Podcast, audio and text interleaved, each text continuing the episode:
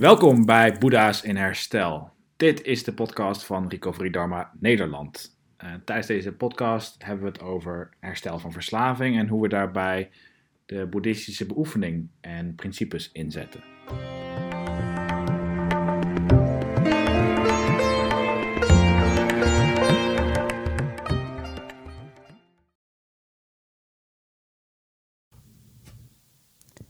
Zuiver spreken.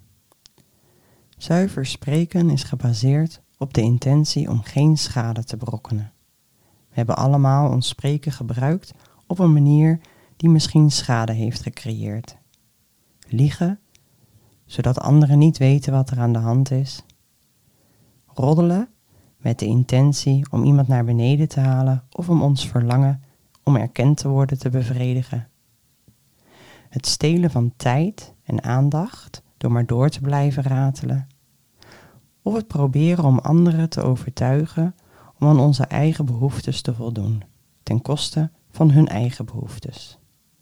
Zuiver spreken omvat alle manieren waarop we onze stem gebruiken, ook schriftelijk en online.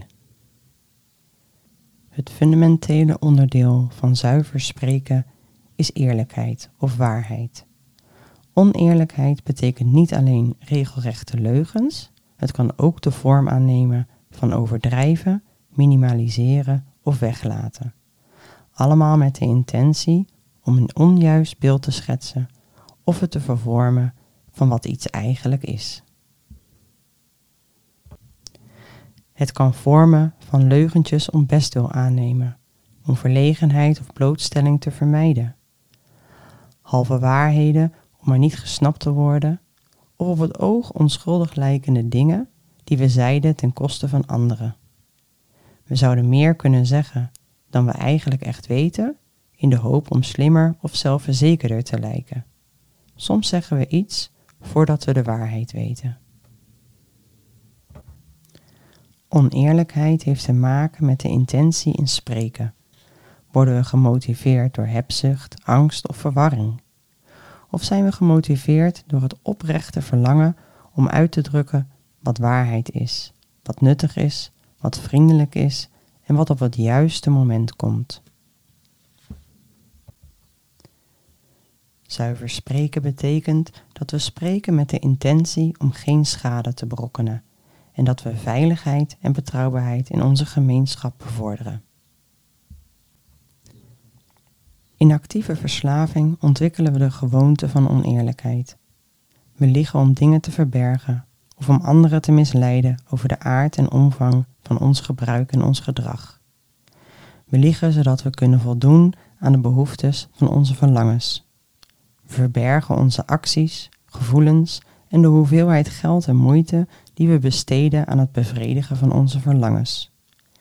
Velen van ons liegen alleen maar om het liegen omdat de waarheid een realiteit vertegenwoordigt die we niet kunnen tolereren. We komen vast te zitten in onze eigen geheimen en voor velen van ons wordt het lijden van een dubbel leven een verslaving zelf.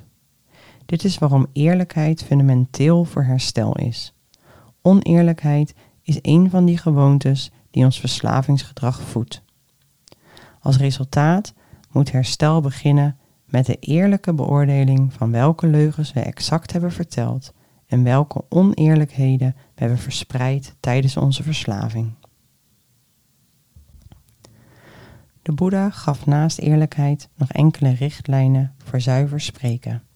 Hij adviseerde om laster en roddels te vermijden. In de erkenning dat deze vorm van onzuiver spreken conflict veroorzaakt en de gemeenschap minder veilig maakt. Dus als we over anderen praten, kunnen we onszelf vragen: wat is onze intentie? Doen we dit om verdeling of om uitsluiting te veroorzaken? Doen we het om schaamte of om verlegenheid in iemand anders te veroorzaken? Of doen we dit om onszelf beter te doen lijken ten koste van iemand anders? Het is mogelijk om over andere mensen te praten met de intentie van vriendelijkheid, vrijgevigheid en compassie, om begrip voor en steun bij elkaar te vinden. Laster en roddels doen dit niet en veroorzaken in plaats daarvan schade. Evenzo kan nutteloos gebabbel en het zeggen van dingen alleen om gehoord of erkend te worden ertoe leiden dat anderen ons negeren of afwijzen. Het zou ongeduld en intolerantie in een gemeenschap kunnen creëren. Zuiver spreken gaat ook over de toon die we gebruiken als we praten. Als we onszelf uiten op een harde, boze of beledigende manier, zou het kunnen dat we niet gehoord worden, ondanks dat we de waarheid spreken. Zachtaardig spreken met de intentie van vriendelijkheid bevordert een gemeenschap van goedhartigheid en veiligheid. Het zou kunnen klinken alsof zuiver spreken voornamelijk gaat over wanneer niet te spreken, maar dit is niet het geval. Velen van ons groeiden op in families waar het niet veilig was om openlijk over onze gedachten en gevoelens te praten. Sommigen hebben vanwege bepaalde ervaringen of culturele conditionering geleerd dat we geen toestemming hebben onze stem te gebruiken. Voor velen van ons betekent zuiver spreken mogelijk dat we moeten leren hoe onze stem te gebruiken, die tot zwijgen is gebracht. Hoe we wijs onze grenzen en behoeftes kunnen communiceren, die we zo lang voor onszelf hebben gehouden. Velen van ons hebben de voorkeur aangegeven aardig te zijn, boven eerlijk en trouw aan onszelf te zijn. Dit is een poging om aardig gevonden te worden of uit angst om opschudding te veroorzaken. Maar zuiver spreken leert ons dat dingen uitspreken, zelfs wanneer het moeilijk is, vaak de wijze keuze is. En dat spreken nooit echt vriendelijk is als we onszelf schade berokkenen. Een laatste onderdeel van zuiver spreken is zorgvuldig luisteren.